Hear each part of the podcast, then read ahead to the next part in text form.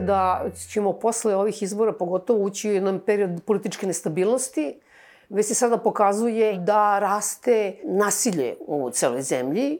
Tako da sad imamo i subtilne mehanizme, uslovno rečeno, jer koristi se onda pravosuđe kao mehanizam pritiska, a onda ćemo i batinaše da koristimo i u tom miksu zapravo treba da funkcioniše otpor nedemokratskim tendencijama u društvu. Rada za početak, koliko sam mogla da vidim do početka novembra, je bilo negde nešto više od 73 slučaje, tako da kažem, je tužilaštvo oformilo. Rešeno je devet. Ono što brine je ponovo da je opet reč pre svega o tome da raste fizičko nasilje ili ugrožavanje, a da se smanjuje ajde da kažem, nasilje na internetu. Zapravo se smanjuje fizičko nasilje, a povećava se nasilje, što, ja, tako. što smo čak i razumeli od, od strane tuži, tužioca, recimo, ili tužilaca, predstavnika, recimo, pre svega tužilaca, i to sa najviših nivoa, kako je to jedna pozitivna tendencija, gde vi, gde se zapravo taj model e, nasilništva ili negativnog odnosa prema novinarima, novinarkama posebno, premešta sa tog fizičkog aspekta na taj ovaj online akt koji je zapravo manje opasan po njihovim. Međutim, nažalost, postao je ne samo svakodnevnica, već i jedan od tih mehanizama koji mnogo više plaši nego što je u pitanju fizičko nasilje, a tako su i slab tužbe. To je ta njihova procena da, da nešto što nije fizički, da će možda manje pretnje da, da napravi ili manje zapravo posledice, sve se meri kroz posledicu tako i ovaj, to online nasilje i slep tužbe zapravo, a oni u to ne, ne, zadi, ne ulaze zapravo dovoljno. Iskreno, mislim da ne, ne, ne postoji uopšte tendencija pada, nego to ona statistika koju vidimo, to je statistika u odnosu na broj prijavljenih slučajeva. Veliki broj slučajeva se ne prijavljaju. Između ostalog, slep tužbe se ne, ne beleže kao kao neka vrsta pritiska, napada, ili tako. Još uvek nemamo tu vrstu mehanizma, odnosno, ajde, uzeli smo da njih ipak odvajamo, ali čini mi se da, evo kad pogledate, imamo tu posebnu NUNS-ovu bazu, broj napada zapravo raste. Novinari ih ne prijavljuju, mnogi, zato što zapravo ne veruju u njihovo rešavanje. I kad vidite da je veliki broj slučajeva okončan, slučajeva, to znači onoga što je podneto tužilaštvu, najveći broj su i dalje odbačeni nema mesta pokretanju postupka, to nije ugrožavanje sigurnosti, oni ne mogu da kvalifikuju na neki drugi način i ta, ta, to se prosto okončava. Sa druge strane, slep tužbe ostaju. Proizvode ogromne posledice, kako psihičke po same novinare, koji se često povlače, ozbiljno promišljaju šta da rade, kako dalje da, da nastupe. Samo cenzura nastaje. Apsolutna autocenzura, veliki broj, ja, ja beležim već Pričam pre svega o ozbiljnim novinarima istraživačkim, na prste jedne ruke za sada, ali to će otići na prste dve ruke, ljude koji se makar privremeno povlače iz svog posla, da bi se nekako ovaj, obnovili prosto i svoje zdravlje, da bi se vratili na posao, jer vi stalno imate taj teret i strepnju šta će se desiti kad, kad, kad se postupak okonča i kako će suda reši. Sa druge strane, svakog dana imate pretnju, svakog dana imate pritisak, svakog dana ste strani plaćenik, svakog dana ste saradnik neke e, strane ambasade i vi nikad ne znate ko će zapravo da vam priđe.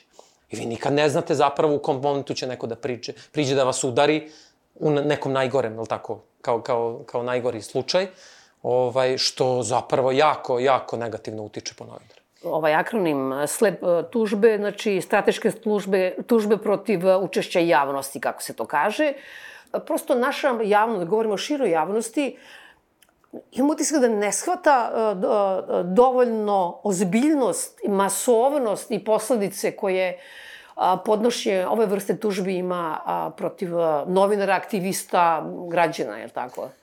Ne shvata javnost, ali ono što je mnogo veći problem, ne shvata ni sud. Tako je. Mi da. tu imamo najveći problem u ovom trenutku, u svim tim postupcima, uzeli smo primjer baš aktivista odbra, odbranimo šume Fruške gore i Dragane Arsić koji su imali taj jedan set od pet istovremeno iniciranih postupaka protiv njih, jednu krivičnu i četiri parnične tužbe. U svim tim postupcima smo mi otvarali pitanje e, zloupotrebe prava na tužbu i slab tužbi i tako dalje. E, ni u jednom postupku mi nismo dobili odgovor od suda da li je reč o toj tužbi, da li nije i tako dalje i tako dalje. Sud završava svoje obrazložanje rečenicom ne možemo uskratiti nekom pravo na tužbu.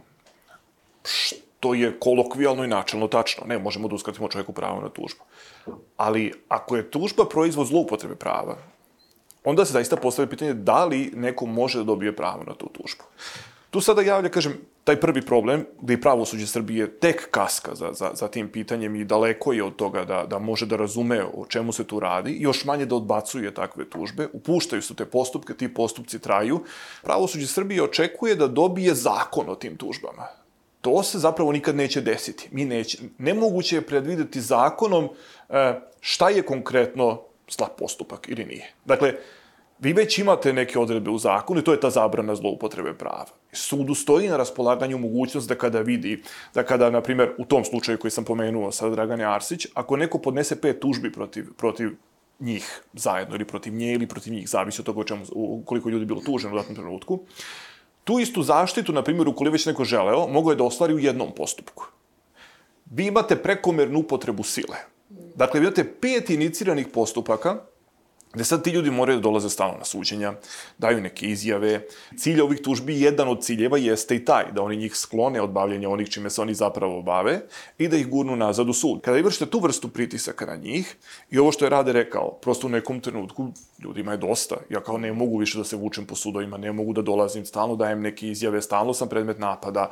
E, da li me zove tužilaštvo, da li me zove krivični, da li me zove parnični sud, da li je naknada štete, nije naknada štete, svaki drug, jednom trenutku mi smo zaređali e, iz petka u petak smo ulazili u parnicu. Znači svaki petak mi je bio rezervisan za Novi Sad. I onda smo došli u situaciju da smo češće tamo verovatno od 30% zaposlenih. Cilj jeste upravo taj da mi te ljude odvojimo od onoga čime se oni bave, hajmo da im natovarimo sa ovaj teret na, na, na, na vrat, pritom ti postupci koštaju, ti ljudi moraju da angažuju neke advokate, moraju da vlaćaju neke takse, I sad ako protiv vas neko podnese neku tužbu i stavi vrednost spora 50 miliona ili 100 miliona dinara, vama je taksa na tu tužbu otprilike skoro 100.000 dinara. Ako vi date odgovor na tužbu. A odgovor na tužbu morate da date, jer ako ne date, smatrate se da ste priznali tužbeni zahtev. Tako da, eto vam taksi od 100.000 puta 4 postupka, to je već 400.000 kod pade na, na, na samu taksu. Dok vi sačekate ishod, suštini nikog više nije ni briga za taj ishod, jer objektivno sve te tužioci ne zanima da li će oni u tom postupku uspeti ili neće. Načelno su i oni svesni činjenice da taj postupak nema neku svrhu i da će ga oni u najvećem broju slučajeva izgubiti jer je neosnovan. Nema, nema, nema temelja za takvu parnicu, ali su postigli cilj koji je zapravo imao neku drugu svrhu. I tu sam htio da se nadovežem na ovo što je Rade rekao. Mi smo imali u vezi sa ugrožavanjem sigurnosti koje, koje je pomenuto. Mi smo dobili onu presudu Europskog suda za ljudska prava u predmetu Antonela Rihe i Gašija Gaši. i ta Gaši i drugi protiv Srbije. I sad je zanimljivo gde tu Europski sud odbacuje tu predstavku uz obrazloženje da li ima potrebe da sad krivično gonimo te ljude koji ih ugrožavaju ili se zaštita od uvrede, od provociranja, zlostavljanja na internetu i tako dalje može ostvariti nekim blažim sredstvom. Tu načelno mogu da se složim da, da prosto nema potrebe gurati sve to u krivicu i da se u parnici može ostvariti zaštita. Ali problem postaje pitanje delotvornosti naših parnica. Ako ja dobijam kontinuirano 150 evra, a neprekidno sam izložen tim pritiska, da li je zapravo parnica u tim situacijama delotvoran pravni mehanizam i da li onda zaista ima smisla aktivirati krivičnu pravdu ukoliko ova parnična ne funkcioniše, odnosno prosto neko je u stanju da isplati taj, da, taj iznos bez ikakvih problema. Dakle, to je zapravo jedan od problema u kojem se mi nalazimo, gde fingiramo pravne mehanizme. Mi pravimo situaciju kao da vi imate pravnu zaštitu, vi tužite, dobijete naknadu i tako dalje i vama informer plati tih 100.000 dinara što je sjajno, a onda na gradu dobije 15 miliona evra kao da, za konkurs, javni konkurs, konkurs i tako dalje i tako dalje. I onda zapravo se postavlja pitanje ko te naknade plaća. Plaćamo ih mi pre nego što porazgovaram sa Kristinom, samo ukratko nam objasnite, podsjetite na ovaj slučaj odbranimo šume Fruške gore, jel da ovaj koji zastupate tamo, o čemu se tu da, radi? Da, pa zapravo šta se desilo? Već godinama postoji ta, ta, ta neformalna grupa ljudi koji u principu kontinuirano vrše pritisak na institucije u Novom Sadu, uglavnom su to reč o pokrajinskim organima vlasti, da zaštite generalno nacionalni, nacionalni park Fruška Gora je najstariji nacionalni park u Srbiji. I oni u principu rade sve što mogu da zaštite taj nacionalni park. Tu se seku na, na, na hektare šuma, stabala i tako dalje. To stogodišnja stabla koja se seku i već šta se s njima radi i tako dalje. Oni to kontinuirano rade i otvaraju ovaj, stavaju prvi plan. Između ostalog, ovaj konkretan slučaj se odnosio na događaj iz oktobra a, pre sada već skoro tri godine, Tada je ta porodica Petrić, koji su vlasnici Galensa, Promista i brojnih tih firmi koji su ovaj, poznati u Novom Sadu, koliko sam u toku mi trebalo da grade i Beograd, ovaj, Novi Sad na vodi, e, sad su kupili zgradu Dnevnika nedavno i tako dalje, pa treba nešto pređe. Uglavnom, vrlo su, vrlo su poznati uticajni gore.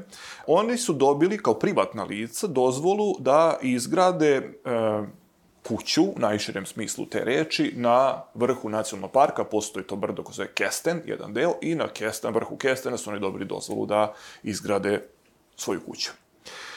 Između ostalog dobili su i rešenje koji mogu da ograde svoju parcelu. Što samo po sebi možda načinno ne bi bilo problematično da se ne radi o ograđivanju 150 hektara te parcele. I sad vi kad ogradite, mislim, 150 ari je mnogo. Sad zamislite 150 hektara kad ogradite pletenom žicom, stub, pletena žica. I tako 150 hektara u sud, u, u krug. Pominjala se čifra čak i od 600 hektara. Nisam siguran, ali 150 je minimum u kom pričamo, samo može da bude više. Oni su to gradili, dobili su rešenje i sve bilo u redu.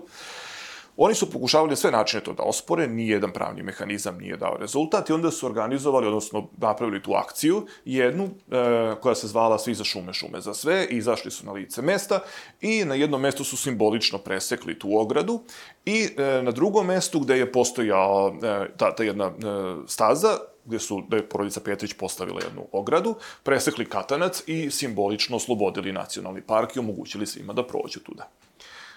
To je za posledicu imalo pet postupaka koji su oni inicirali protiv njih. Dva postupka za nematerijalnu štetu, jednu privatnu krivičnu tužbu, tužba za naknadu materijalne štete i tužba za smetanje poseda. Naša odbrana se zapravo i fokusirala na toj činjenici u situaciji kada nijedan pravni mehanizam ne funkcioniše i mi smo radili sve što možemo. Ovo je bio poslednji vapaj da vam stavimo do znanja da ovako nešto ne može. To se načalno podvodi pod slobodu izražavanja aktivista i ima upravo svrhu da gurne u prvi plan temu koja je od presudnog značaja za javnost. Što u suštini jeste bilo? Ta akcija je ispraćena, vrtila sam sve strane, svi mediji su preneli. Mi smo načalno u prvom stepenu sve te postupke dobili. Sud je stao na, na odbranu slobode izražavanja, što je iskreno za mene bilo neočekivano, ali sam bio prijatno iznenađen, sud je stao na odbranu od slobode izražavanja i ono što je zapravo najvažnije, što je prvi i drugi stepen u postupcima koji su okončani, van svake razumne sumnje naveo da to rešenje kao takvo, kojim su oni dobili dozvolu da ograde, nikada nije moglo biti izdato i da koliko god vi dobijete dozvolu da svoj deo placa u nacionalnom parku na određeni način oivičite, morate da omogućite građanima, po posebnom zakonu, da oni nesmetano prolaze istraživačke svrhe, rekreativne, turističke, kakve god, istorijske, biljne, nije bitno, ali morate da omogućite nesmetano kretanje kroz nacionalni park. Sad, da li će to da ima u posledicu neku dalje, ne znam. Ta, to, to ispitivanje rešenja o ograđivanju je pred upravnim sudom, evo ja mislim već dve, tri godine. Dobro, sad to traju procesi, a da li oni nastavljaju da rade to što rade gore, da šire svoju kuću sto puta? Absolutno, pa da, da, mislim da je već ona pri kraju. Ta, to je ta igra, da, igra tako da. je, da, mislim, zato što zapravo dolazimo u jednu absurdnu situaciju da sudske presude više ne znače mnogo. Kad vi inicijalno ne prihvatate presude međunarodnih sudova, krivičnog suda u Hagu, pa Evropskog suda pravde, pa Međunarodnog krivičnog suda i tako dalje. Samo je pitanje trenutka kada ćete iskorak napraviti dotle da sad ne priznajem ni domaće presude, pa ne priznajem i ne sprovodim ih i nemam sankciju za tako neko nesprovođenje. Čim počnete prvu presudu, ne poštujete, velike su šanse da ćete završiti ovako da, smo da, završili. Da, dobro, studenti prava mogu da se zabavljaju da čitaju te presude, a, ovaj, a život teče paralelno kao što su Tako ovaj, je. Da, ta kuća je pri kraju, ograda, odnosno žičana ograda i dalje stoji, e, oni ljudi grade, bez ikakvih problema. Šta više, evo kažem, dobili su sada i da kupi dnevnik, da ga sređuju tu zgradu dnevnika. A i Srpska pravoslavna crkva im je prodala nešto. Je, A, uh, to je dosta zanimljivo. Tu su bile silne razmene. Dakle, Srpska pravoslavna crkva njima da određenu parcelu, a onda ja neku drugu, pa onda daju neki novac kao pomoć i tako dalje. Ja, ne bih koristio prejake termine, ali jedan dosta dobar poduhvat, onako zajednički, koji vrlo funkcioniše, odlično funkcioniše. Produktivan po obe I, I zapravo je jedna od teza u, u, u postupku bila kako je to što aktivisti rade napad na Srpsku pravoslavnu crkvu. Tako da da, to je bila jedna od teza da je ovo sve napad na Srpsku pravoslavnu crkvu i na te ljude koji su veliki vernici i tako dalje i tako dalje. Vrlo se lepo zamenile teze. Ti si radila nešto što je, tako da kažem, mnogo ozbiljnije bilo, odnosno bio je, bilo je reč o Mehi... Specifičnije, o, da. Specifičnije, odnosno taj pomor koji se desio u Novom pazaru, tako ali tako za vreme korone, kada su ljudi protestovali e, jako mnogo protiv načina koji je direktor opšte bolnice e, Mahmutović, je li tako, tako je. Jeli, vodio bolnicu i uh, onda uh, je koliko sam shvatila, tužio sve, i pacijente, i sestre, i lekare, i čistačice, i građane, i tako dalje. Da. I sad, a, reci nam kako ide taj proces i kako se sud tu ponaša? Pa za razliku od Mihajlovih ovo ne ide baš tako dobro. Mi smo već sa većinom presuda dobili uglavnom osuđujuće pošto je reč o krivičnim postupcima, tako da ih nosimo sve ka Evropskom sudu, naravno prema Ustavnom prvo, ali već smo dobili jednu odluku Ustavnog suda koja je odbacujuća. Dakle, rješenje kojim se odbacuje, iako je Ustavni sud ušao tu malo u analizu da nam objasni šta tu nije u redu, potpuno ove, pravno neprihvatljivo, ali kad sam rekla da je specifično, mislim na e, činjenicu da Novi Pazar nije poznat kao grad koji, u kome ljudi zaista izađu u tako velikom broju na protest. Ali sve to što se desilo, znači imate hronologiju počev od marta, pre nego što je to sve eskaliralo. Dakle, taj tužilac, direktor bolnice, je se pojavljuje u lokalnim vestima jednom, drugi put i kaže mi imamo obezbeđeno sve, sta, ove, osoblja, sredstava, opreme za koronu, bez obzira koliki bude broj pacijenata, svi će imati adekvatnu negu, o tome nema problema. I to se ponavlja. Sa druge strane, taj isti čovek, a, neposredno pre korone, kao neko ko bi trebalo svojim sugrađanima da da primer kako se ponašati u nečemu što je za sve nas novo i svima nam je bilo nepoznato i zastrašujuće. On je izlazio aktivno viđen je na javnim mestima u kafanama i to. U to vreme se u Novom pazaru odigrao i ove predizborni skup na kom je on učestvovao, gde je bilo mnogo ljudi bez maske, bez ikakve distance, znači potpuno suprotno svemu, svim onim preporukama koje smo slušali kako treba da se ponašamo. I onda kad građani prosto vide njega koji kaže nema problema, kogod bude bolestan bit će lečen i onda se desi šta se desi. Desi se da, potpuni kolaps, da on odbije pomoć iz drugih gradova, iz drugih zemalja u početku, da ljudi ovaj, do, dođu do situacije da ne mogu da uđu u zdravstveni centar da se razboli niz lekara, da onda šalje na prinudni odmor anestezijologi kojih nema, da se svi lekari, dakle, razbole, e, da građani umiru u hodnicima i na travnjaku ispred bolnice. Ogroman broj njih nije uopšte uspeo da uđe, da dobije bilo kakvu zdravstvenu negu. Onda su ljudi prvo što su počeli da rade jeste da snimaju scene šta se dešava. Ušli su unutra, slikali su kako to izgleda da ljudi leže u hodnicima, da leže živa osoba pored neke koja je već preminula, da je to potpuno zaista zastrašujuće i jezivo, da se dele boce za kiseonik s jednog pacijenta na drugog. Prvo su reagovali lekari tako što su ovaj, okrenuli leđa ministru zdravlja koji se pojavio sa premijerkom u opštoj bolnici, izražavajući time protest zbog toga što nije bilo sredstava, što su lekari nisu imali opremu, nego su nosili vreće, odnosno kese za smeće na sebi umesto ove zaštitne opreme. A neposredno posle toga lekari su održali konferenciju za štampu u kojoj su ukazali na sve nepravilnosti, nedostatke u radu, na sve propuste u radu i na to kako menadžment bolnice, odnosno direktor, nije zaštitio ni osoblje, ni sugrađane. Oni su najpre bili tuženi zbog toga što su govorili na konferenciji, ali su te tužbe brzo povučene. Sve to što se dešavalo je uticalo na građane, oni su se prvi put suočili sa tako nekim šokantnim stanjem.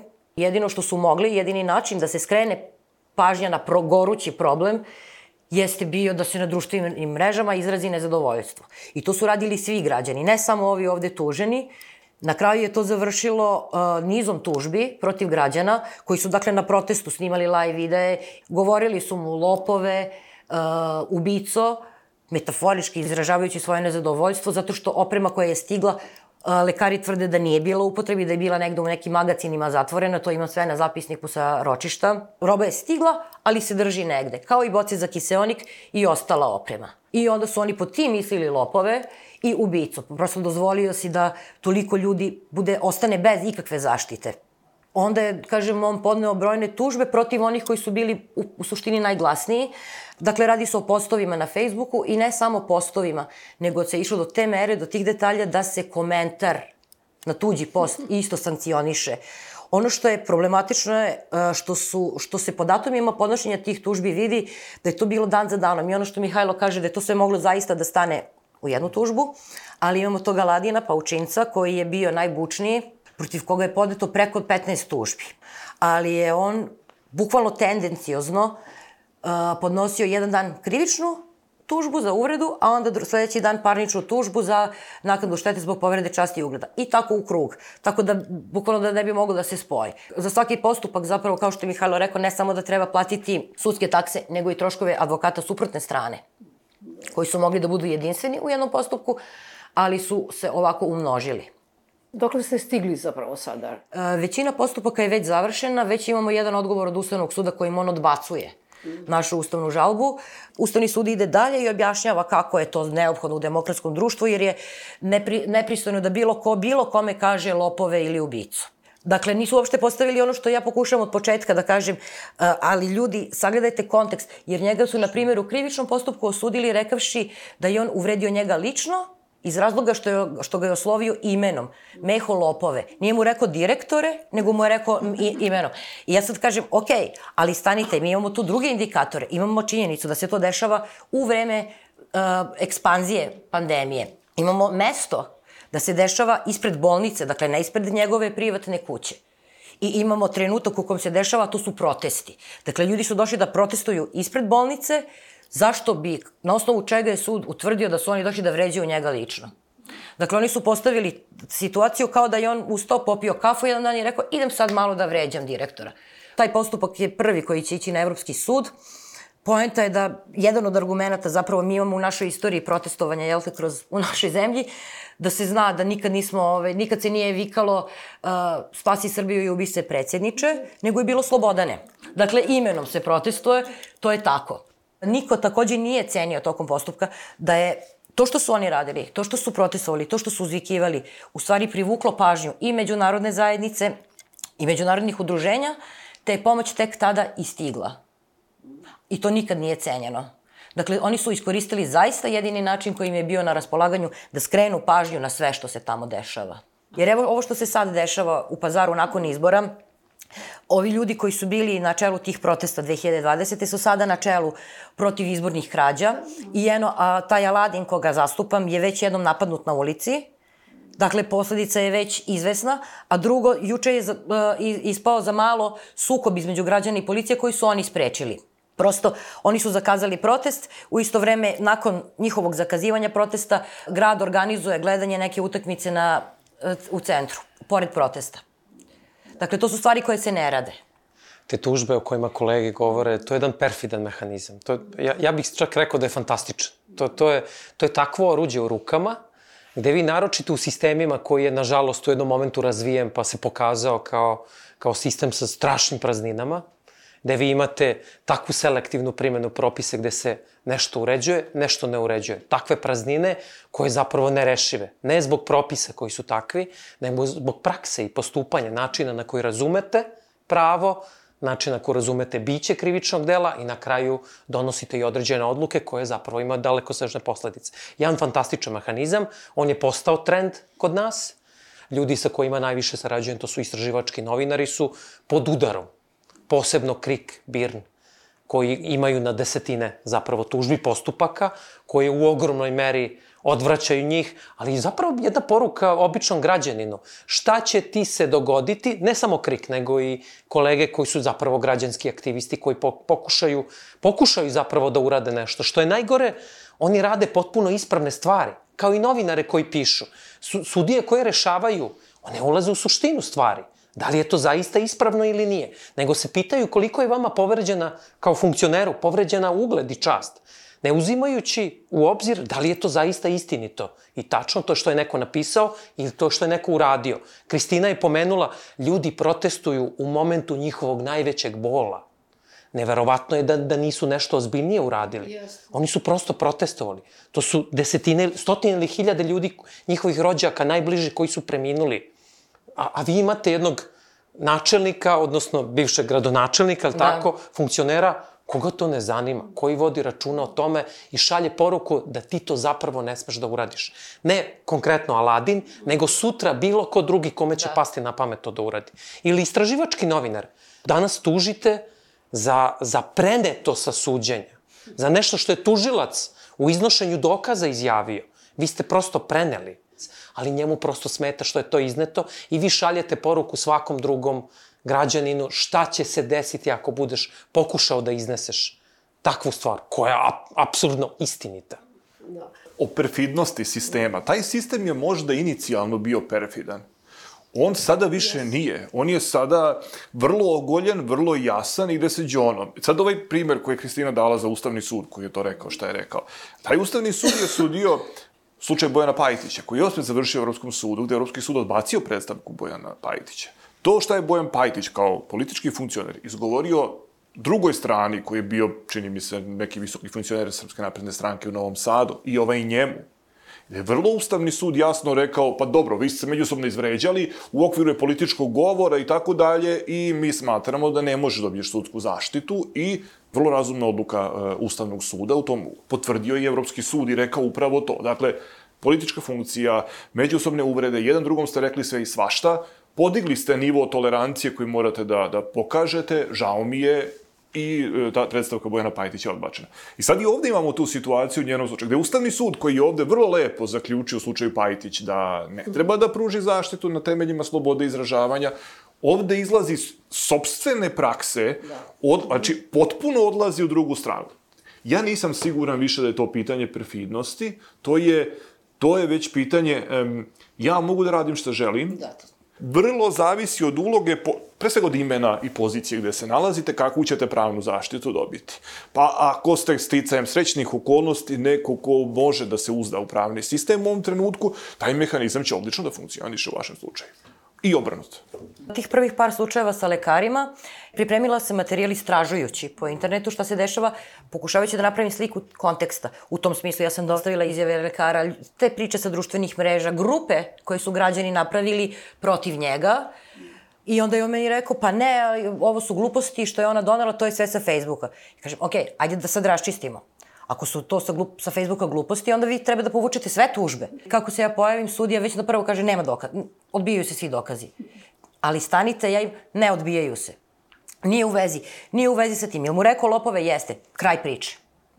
Dakle, ništa se ne izlazi iz okvira jedne proste reči. Nikako da se sagleda širi kontekst i šta je bilo značaj za zajednicu ti protesti i te izjave i da je tek, ta, ono što sam malo pre rekla, da je tek nakon svega toga zaista stigla pomoć. Okolnosti pod o... kojima je nešto izrečeno. A to je bilo, sećam se strašne onih fotografija umrlice na sve jeste, strane po Novom pazaru, ali tako? Jeste, bile... jeste, prelepljivane jedne preko druge, bukvalno nije bilo dovoljno tabli na koji će se okačiti ove sve te umrlice, pritom ni do dan danas nije poznat ukupan broj umrlih. Pomenuli se slučaj Nikole, Nikole, Nikole Meklaren Petrović. Jesam kao, imamo taj, tu situaciju gde je osvanuo i taj zapisnik iz policije gde se utvrdilo, ajde što je vozio taj auto, kakav je, mislim, bože moj, kupio ga je, pa sad što da radimo, da je on to vozio i pod dejstvom nekih opijata, ako ja ne grešim da je tako nešto pisalo u tom zapisniku iz policije, slagać. I sad imamo tu situaciju i onda se vratimo na slučaj nedavnog štrajka poštara gde se na sva usta pričalo o dači jednog od e, lidera protesta. Čovjek vozi dačiju. Ne, ne, ne pije, ne drogira se, niko nije izazvao sudar, ništa. Čovjek i pritom vozi dačiju. Da. Ceo mehanizam je toliko absurdan da kad vi zaista uđete u ovim okolnostima u sudnicu, prvo se pitate ćemo mi stvarno da se sudimo oko ovoga. Da. Kao u kom trenutku smo došli uopšte da mi o ovome legitimno razgovaramo. A onda kad se upustite u to, kako da kažem, pro, da, pro, da, da, i ne samo to, nego sam uvučen u tu igru i ja počinjem ozbiljno da debatujem o tim stvarima. Prosto nekada je toliko očigledno da je reč o slab tužbama, da se to može završiti odmah i da sud uskrati pravo i da kaže u redu da. je. Naši sudovi imaju zakonsku mogućnost da izađu i da kažu odbijam jer je očigledno neosnovano. U ovom konkretnom slučaju vi imate tužbu podnetu uh, 28. avgusta, pa 5. septembra, pa 10. septembra, pa 13. septembra, pa 14. pa 15. pa 17. Direktor bolnice koji je bio, on tvrdi da je bio na nekom bolovanju u toku jula, vraća se sa bolovanja i pravo šta radi, uskače u sud i provodi toliko vremena na sudu umesto u bolnici. Da, da, u sredu ono najgore. Upravo je, da, mehanizam je upravo na tome i počiva. Veći broj postupaka, veći, faktički veći teret koji imate, vreme koje morate da odvojite, vi tehnički ne možete da radite. Morate da se pojavite na svakom pretresu. Pa evo, lekari dole su bili pod tolikim stresom da ove, jedan je rekao, jo bože, ja, ide mi se u operacijonu salu, jedva čekam da nekog iz, koliko mu je bilo mučno da uopšte dođe na sud. Mislim, ljudima je naporno i kad dolaze da dobiju nešto u ostavinskom postupku, a kamoli ovako gde gde je to praćeno i novinskim naslovima, kako su tuženi, kako je to sad zbog ovog ili onog su sankcionisani. Znači, s jedne strane imamo uh, te tužbe koje vrše ozbiljan finansijski, emocionalni, kako god hoćete pritisak na ljude da. da odustanu. To je poruka svima, odustanite, ali je uvek je naravno najveći problem upotreba pravosuđa, upotreba države, cijele institucije, da. kao mehanizma za to to je onda generalno mnogo veća šteta nego što ću ja da platim 200.000 nekome, jel tako? Pa da odustanem, ajde, kao kakve veze ima ako čak ja odustanem. Ali ovo je zapravo mnogo teža posledica, jel tako? Tako je. Ceo taj scenarij, sve te kulise, sve to postavljeno samo s tim ciljem. Ako pričamo o slab tužbama, one nisu nastale juče u Srbiji. Tako je. Tako je. To se razvilo, to, to, to je nastalo u Sjednjim državama, ako ne grešim, od, otud se to posle prenelo dalje. Dakle, taj mehanizam već postoji, razvijeni su neki mehanizmi odbrane od toga, postoje neki zak, postoje neke direktive, postoje neki mehanizmi kako se to leči. Imamo presude evropskih sudova koje jasno daju uput sudijama kako i šta treba da rade. E sad, gde ja zapravo vidim spas jeste taj pojedinačni stav sudije. Ni, nemaju jednako postupanje i to je ono što mene u isto vreme i, i raduje, ali i zabrinjava. A, zapravo na sudije kako će da razume, kako će da shvati. Naravno da sudija donosi autonoma nekakve odluke, ali onda to znači kako da kažem, da je svako od nas isporučen kad ode u tu sudnicu kakav je sudija. Da li zna prvo? Imam utisak kada gledam neki od tih sudija ili tužilaca da možda ne znaju o čemu pričaju. Mislim, elementarnim stvarima da ne znaju ništa. A drugo, da li ste u Beogradu pa imate šanse da nađete na nekoga ili ste u Vladičinom Hanu ili Gađinom Hanu. Ili u Novom Pazaru. Ili u Novom Pazaru, tako. Čao vas gleda, gleda. Gde u da. stvari je mnogo teže ovaj, u osnovu, izneti dokaze. Izneti dokaze Sa, za početak. Makar to, da slobodno sudijsko uverenje je jedan jako dobar institut. I slobodno sudijsko uverenje u oceni dokaza nije isto što i proizvoljnost u oceni dokaza. To meni ne daje za pravo da ja neke dokaze ignorišem, ne izvodim, e, ne obrazlažem, ne osv... Znači, koliko god to nijansirano izgledalo, zapravo ovde nije nijansirano. Ovde je dosta crno-belo. Stvari su ovde dosta jednostavno postavljate. Ja pred vas iznosim neke dokaze. Vi morate da ih uzmete, morate da ih pročitate i da kažete da su neosnovani iz tih Tako razloga. Je. I to je u redu. To je pitanje slobodno sudijskog uverenja. Ali kad mi slobosko, slobodno sudijsko uverenje podignemo na nivo proizvoljne ocene tog istog dokaza, a još gore u proizvoljnoj primjeni prava, vi onda zapravo dolazite u situaciju da sutra kad iznosite takav jedan predmet pred Europski sud, Ja sam bio par navrata u situaciji da ne znam kako da počnem da obrazlažem Evropskom sudu koliko ovo veze s mozgom nema šta ja treba da uradim sada. Pa to je bezakonje I... koje je pokriveno nekim... upakovanu formu. Upakovanu formu. Tako je. Tako je. Vi dobijete, ne, mislim, prosto vi dobijete neku presudu, tu stoje neka slova, neke reči, rečenice, broj tako, predmeta, da, da. to znači da je izašao, ima neki pečat, nekoga je to potpisao i sve to, sve, mi, mi imamo sve to što bi jedna, kolokvijalno ćemo zvati država, ima. Ali to što vi suštinski dobijete tim odlukama, to zapravo ne, u, u, na, u dobrom delu slučajeva, pogotovo u ovim predmetima, to nema nikakve veze sa predmetom, nema konteksta, nema razmatranja okolnosti, nema ničeg. I vi dolazite u tu absurdnu situaciju, da kažem, ne znam od čega se branite, na koji način treba da napadate, u kom pravcu generalno treba da usmerite i opet se bojim uzrok najveći, kao što ste rekli, leži u pravosuđu i tužilaštvu, koje, koje vapi za, za, za znanjem, u najmanju ruku. Ja se generalno plašim regulative. Kao i kod bilo čega u Srbiji, ništa nije rešeno, nažalost, regulativom. Samo mislim da može da bude jedan otežavajući faktor. Sa druge strane, i dalje se uzda možda da se, ne mogu da kažem pritisak, ali to poučavanje sudija i te jedne dobre odluke, dobri primeri koji će zapravo da utiču na sudije i pokažu sudijama da u odnosu na ono što jesu zapravo nezavisni da, da ne moraju da strepe od nekog političkog i drugog pritiska za šta govore da ne strepe, a zapravo jako strepe, ne samo pogotovo tužioci policija, ali sud, zapravo i sudija je apsolutno slobodan i mislim da najmanje posledice može da, da, da, da zapravo doživi. Sa jedne strane, sa druge strane i dalje e, podrška pre svega medijima, novinarima, kako i građanskim aktivistima i pr, mi neko ko, ko se bavi medijima, posebno istraživačima, da istraju, da ostanu na toj liniji, jer ako prestanu da proizvode te, tekstove, i, i te, te zapravo istine, istine koje iznose kroz, te, kroz tekstove, to znači da su ovi pobedili. Novinari da. moraju da istraju na toj liniji, da zapravo imaju našu podršku, a mi zapravo podršku ajde da kažem i građana Srbije onog dela koji veruje u te tekstove koji se objavljuju. Sa druge strane, nažalost, međunarodnih institucija koje, koje nam garantuju neku vrstu opstanka i života ovde, oni moraju da ostanu u toj liniji, da, da, da ne pokleknu i da nastave da proizvode. Prosto, o, ajde ovaj put da uzmemo da ne učimo na onim greškama na kojima smo imali ranije, već da malo ranije plasiramo ne, ne, ne bih je nazvao definiciju, ali nešto što će sudije možda usvojiti, razumeti i u startu, ako eliminišu ozbiljan broj tih tužbi, to, to će biti ogromna pobeda. U ovom trenutku ja mislim da bi, ono što bi možda moglo malo da ove, reguliše ove, ovo pitanje jeste tonsko, makar tonsko snimanje suđenja, da lepo stoji sve crno na belo šta je, jer se dešava na sudu nešto što ne uđe na zapisnik, kada oni meni zabranjuju bilo koje pitanje, neće da unesu uopšte pitanje, kažem, zabranite odgovor, ne možete da zabranite pitanje, ali zabranite odgovor, to je okej. Okay. I da se možda uvede eventualno ove, individualna odgovornost sudija, odnosno tužilaca, kada se dobije odluka Evropskog suda. Dakle, da se to svali na pojedinca, pa će to može da utiče da taj pojedinac sudi, odnosno vodi istragu na drugačiji, nezavisniji način. Ja nisam tako optimističan da će nešto mnogo dobro se desi. Zašto? Vratio bih se opet na tu presudu Evropskog suda, Gaši, Riha i drugi protiv Srbije. Dakle, dobili smo presudu koja nam daje upute kom sudu pre svega kako bi trebalo da posmatra neki mehanizam, kako bi trebalo da ga razvija, u kom pravcu. Dakle, ja nešto nisam primetio da, da je ikada iko referisao nakon te odluke, nego ona samo gurnuta negde na onom portalu, odnosno sajtu Vrhovnog suda, među da, onom da, zbirkom da, ovaj, odluka Evropskog suda, i ona tako postoji. I ona je postojala za taj jedan slučaj. Marloko su male šanse da će neko reći, e pa čekajte, kao, ovaj sud je ovo već razmotrio, rekao je neke stvari, daj da vidimo šta da radimo s tim pitanjem. Dakle, to se ne dešava. Iz tog razloga sam pesimističan.